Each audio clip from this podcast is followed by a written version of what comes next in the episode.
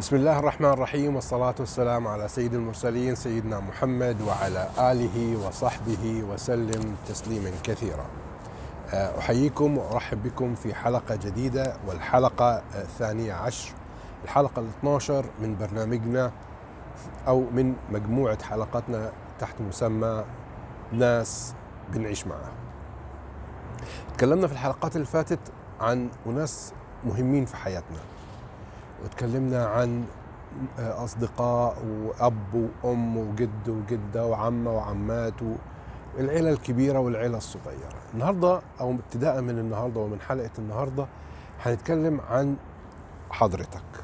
أيوة بالظبط عن حضرتك أنت كمان.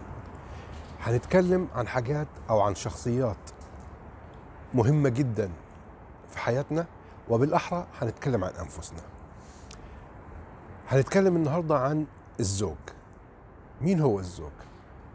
الزوج هو أحد أطراف أو أحد طرفي علاقة أو مشروع اللي بيسمى الزواج أو البيت السعيد إن شاء الله. الزوج هو أحد الشركاء في هذا أو في إنشاء هذا المشروع أو في إنشاء هذا الصرح القوي هذا الصرح المهم هذا الصرح اللي بيعتبر نواة إنشاء المجتمعات. فإذا صرحت هذه النواة صلحت المجتمعات وصلح المجتمع وأصبح المجتمع ناجح وناضج وفيه كل مقومات النجاح والسعادة إن شاء الله. طيب لما لما هنيجي نتكلم بقى عن شركاء في مشروع معين أو شركاء في خلينا نسميه البيت السعيد يبقى لازم نعرف مواصفات كل شريك منهم عشان نعرف إزاي نختار الشركاء دول فتكون حياتنا سعيدة ويكون بيتنا بإذن الله هادي وسعيد ومستمر بلا مشاكل وبلا منغصات بإذن الله. هنبدأ بمواصفات الزوج. آه أنا حطيت كم آه مواصفة كده آه أتمنى من الله سبحانه وتعالى أن أكون وفقت في أني أجمع أفضل أو أكثر مواصفات مطلوبة في الزوج وأن تتحقق في أزواج بناتنا وأولادنا وحبايبنا إن شاء الله لتأمين أسر وبيوت سعيدة إن شاء الله. المواصفات دي أولها أن يكون ذو دين. إذا كان الزوج أو العريس ذو دين ذو دين صح ذو دين وسطي فلا تقلقي من شيء. المواصفات دي أنا بقولها لك أنت يا بنتي وأنت يا أختي وأنت يا بنت المقبلة على الزواج أو اللي عايزة تتجوز. لأنك أنت هتكوني الشريك الآخر. فإذا احسنتي اختيار شريكك فستكون أسرتك وبيتك إن شاء الله سعيد.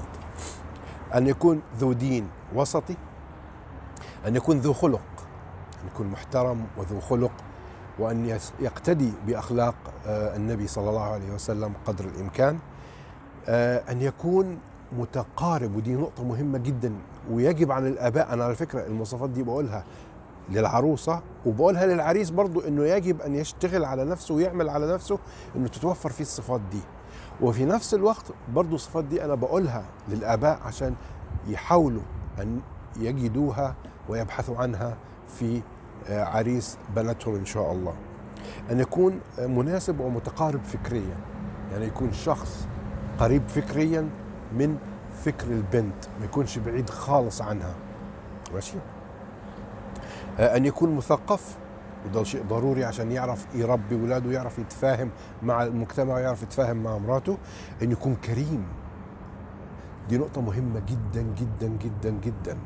لذلك أنا بأوصي كل بنت مقبلة على الزواج إنها يعني بقدر الإمكان قدر الإمكان قدر الإمكان أكبر ما يمكن أن تتأكد من هذه النقطة. لأنه والعياذ بالله إن كان هذا الشخص غير كريم فحياتك ستكون منغصة ومشاكل كتير. آه أن يكون رجل. وهنا أنا ما بقصدش أنه يكون ذكر طبعا أكيد حيكون ذكر. لكن أنا أقصد أن يكون رجل صاحب مواقف. آه راجل تقدري تعتمدي عليه. أوكي؟ آه إنه يحافظ على الود والمحبة. إن يكون شخص ودود شخص محب ويحافظ على الود والمحبة اللي بينكم. آه أن يحسن القوامة. طيب إيه هي القوامة؟ وإحنا بنقصد بالقوامة؟ آه القوامة هي يعني بتجمع في طياتها أن يكون صادق مخلص مضحي محب حنون بيوفر الدفء في البيت آه، آه، بيوفر الأمان بيوفر الرعاية والسعادة. كل دي هي القوامة. كل دي هي الصفات اللي المفروض إنها تجمع أو تجتمع في الشخص ده لكي نقول إنه من حقه أو عنده القوامة على الست. طيب آه، بعد كده هنتكلم إنه يكون حليم. صبور يصبر على آه، آه، مراته. آه، يمكن يكون في مراته صفة معينة ما ظهرتش أيام الخطوبة أو كده أو يكون في عندها مثلا حاجة مضايقاه أو مزعلة يصبر عليها حتى يستطيع أن يصل هو وهي أنهم يعدلوا من هذا الشيء. أن يكون يعني يتصف بالصفح لما زوجته تخطئ أو تعمل حاجة غلط أو تعمل حاجة تزعله يكون صاحبه صفح بيصفح بينسى بيسامح. آه إلى طبعا الأخطاء الكبيرة والمغلظة طبعا. آه يكون متسامح التغافل. يا التغافل ده سلوك. أنا أنا مش بسميه سلوك. هو هو سلوك ولكن بالنسبة لي أنا بسميه مهارة. مهارة لأنه من يستطيع أن يكتسب هذه المهارة ده إنسان فوق الوصف بيتغافل بيجي على نفسه بيتحصل حاجات قدامه بتزعله ما بتكون ما بتبسطوش أو بتضايقه ولكن بيتغافل عنها كي تسير المركب. وهنا فعلا بتأتي أيضا القوامة وبتأتي أنه هو يكون هو رب السفينة ورب البيت ويسير به إلى بر الأمان إن شاء الله. أن يكون متفاهم أن يجلس مع زوجته واولاده في المستقبل ويبدأوا يتفاهموا. آه، يكون متفاهم أيضا حتى أيام آه، الخطوبة مثلا مع أهل الزوجة مع أهله يكون متفاهم مع الناس اللي حواليه. يكون عقله كبير. ما يوقفش على الحاجات الصغيرة. آه، أن يكون متحاور. مش one way connection أو one way instruction لا هي مش موضوع أوامر أو تعليمات. لا ده تحاور. أنا بتحاور بيني وبينك أو بيني وبينك. فيكون عنده موهبة وملكة والسكيلز بتاعت التحاور. آه، ما يكونش عصبي ولا عنيف. يكون رحيم آه، وما يحملش الطرف الآخر فوق طاقته. يعني ما يجيش كل حاجة على الزوجة ما يجوش كل حاجة إن هي اللي غلطانه إن هي اللي عليها الحق إن هي اللي تتحمل الأعباء كلها. آه، يساعد في واجبات المنزل وده مش عيب. رسول الله صلى الله عليه وسلم كان بيعمل كده. آه، بس طبعا مش نيجي نرمي عليه كل حاجة بقى غسيل ومكوى وغسيل الصحون والكلام ده كله. أن يساعد. ماشي؟ مسؤول ويتحمل المسؤولية ودي حاجة مهمة جدا لأنه للأسف في هذه الأيام آه، كثير من الشباب أنا مش عايز أقول أغلبهم لكن كثير من الشباب لا يتحمل مسؤولية الزواج. هو كل اللي هو عايزه عنده عايز يتجوز وعايز يبني بيت بس ما, ما عندوش استعداد إنه يتحمل عقبات ومسؤوليات وتبعات هذا الموضوع. آه يطبق وصية الرسول صلى الله عليه وسلم في قوله استوصوا بالنساء خيرا. ودي وصية يعني كبيرة جدا من الرسول عليه السلام ولا يستطيعها إلا الرجال فعلا. ولا يستطيعها إلا من هم ذو أدب وذو أخلاق وذو دين وذو تربية حسنة واللي آه، طالعين من بيوت فعلا آه، بيوت آه، صحيحة وبيوت معتدلة وبيوت يعني فيها كم من التراحم والأخلاق الحميدة؟ آه، لأنه النساء أمانة عندك. بنت الناس دي أنت ما اشتريتهاش. بنت الناس دي أمانة عندك. وأمانة من مين؟ أمانة من الله سبحانه وتعالى ورسوله. لأنك أنت أخذتها بكلمة الله وكلمة رسول الله صلى الله عليه وسلم. فيجب أن تكرمها.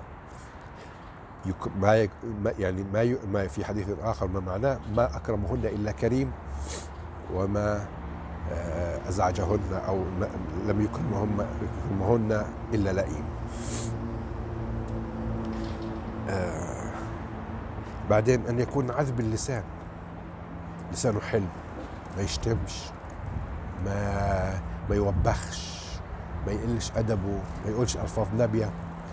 آه ويسمع مراته كلام حلو وده من حقها ومن حقه في نفس الوقت. من حقه إنه يتغزل في زوجته بالكلام الحلو اللي هو عايز يقوله لها. لأن ده من حقه ومن حقها. آه يشعر زوجته آه، إنه موجود حواليها في كل الأوقات حتى لو كان غايب. سواء كان في عمل أو في سفر أو في whatever في أي مكان كان يكون يحسسها إنه جنبها. يبعث لها messages. والنهاردة التكنولوجيا قربت البعيد وخلت الدنيا كلها عبارة عن آه، محيط صغير جدا. آه، إن يكون يحب الإنجاب ويحب الأطفال. آه، من عائلة محافظة تتسم بحسن الخلق والأدب والتربية. أن يكون سويا سويا بأن يكون معتدل ويكون كويس في إيه بقى؟ خلقيا أو خلقيا في خلقته يعني وأن يكون سلوكه سوي وأن يكون سوي نفسي كمان. نفسيا يكون سوي. تاخديش واحد عنده عقد وتيجي تقولي أنا حدربه أنا حعدله أنا حاقوم بهذا لوجه الله سبحانه وتعالى. مع احترامي لحضرتك كان غيرك اشطر خذي السوي حتى تستوي حياتك وتكون سعيدة ومتناسقة ودائمة في سعادة بإذن الله. آه، أن يكون منصف وعادل مع زوجته ما يجيش عليها ما ياكلش حقها ما ما ما ياخدش حاجة منها مش من حقه أن يكون عفيف النفس. ما يقبلش على حاله حرام ما يقبلش على نفسه ولا على بيته ولا على أولاده حاجة حرام أو حاجة مش من حقه أو حاجة مش صح. أن يكون أمين على أسرار البيت ويكون أمين على زوجته. يقدر زوجته واللي بتقوم بيه يقدر مجهودها يقدر تضحيتها. دايما يسمعها كلمة شكر. دايما يقول لها يعطيك العافية. كتر خيرك. جزاك الله خيرا. ما شاء الله عليكي. انت بصراحة لولاكي ما كنتش وما كنتش وما كنتش. الإطراء الجميل ده والاعتراف بحق وفضل الزوجة بيقوي العلاقة ويوطدها ويخليها تستمر. آه يكون شجاع. شجاع بقى مش إنه يحمل سلاح بقى لا. شجاع إنه لما يغلط يعتذر. وانت دورك هنا بقى إيه؟ مش لا والله بدي اخبط راسه. لا والله لازم يجي لي زحف على رجله. لا لا لما يجي يعتذر. تقبلي الاعتذار وانسي. إحنا هنيجي الحلقة اللي بعد دي هنيجي في مواصفات الزوجة. ما تفرحيش قوي انك انت هتمسكي عليه حاجات. لا حلقتك جاية. ف دائما خليكي منصفة كما هو منصف. أهم خصلة بقى في الآخر أنه إذا خاصم لا يفجر. إذا خاصم لا يفجر. دي أربعين خصلة استخلصتها ليكي ولأبوكي ولأهلك ولإخواتك عشان يشوفوهم ويقارنوهم أو يبحثوا عنهم في زوج المستقبل. ونصيحة مني يا بنتي الحب كثيرا ما يأتي بعد الزواج. فما يغركيش أي حد بيرمي عليكي أو بيسمعك كلمتين حلوين بحبك ومش عارف إيه وبعد كده أبوك يجي يقول لك يا بنتي ده فيه وده فيه وده فيه وفي كذا وفي كذا وفي كذا. بحبه يا بابا.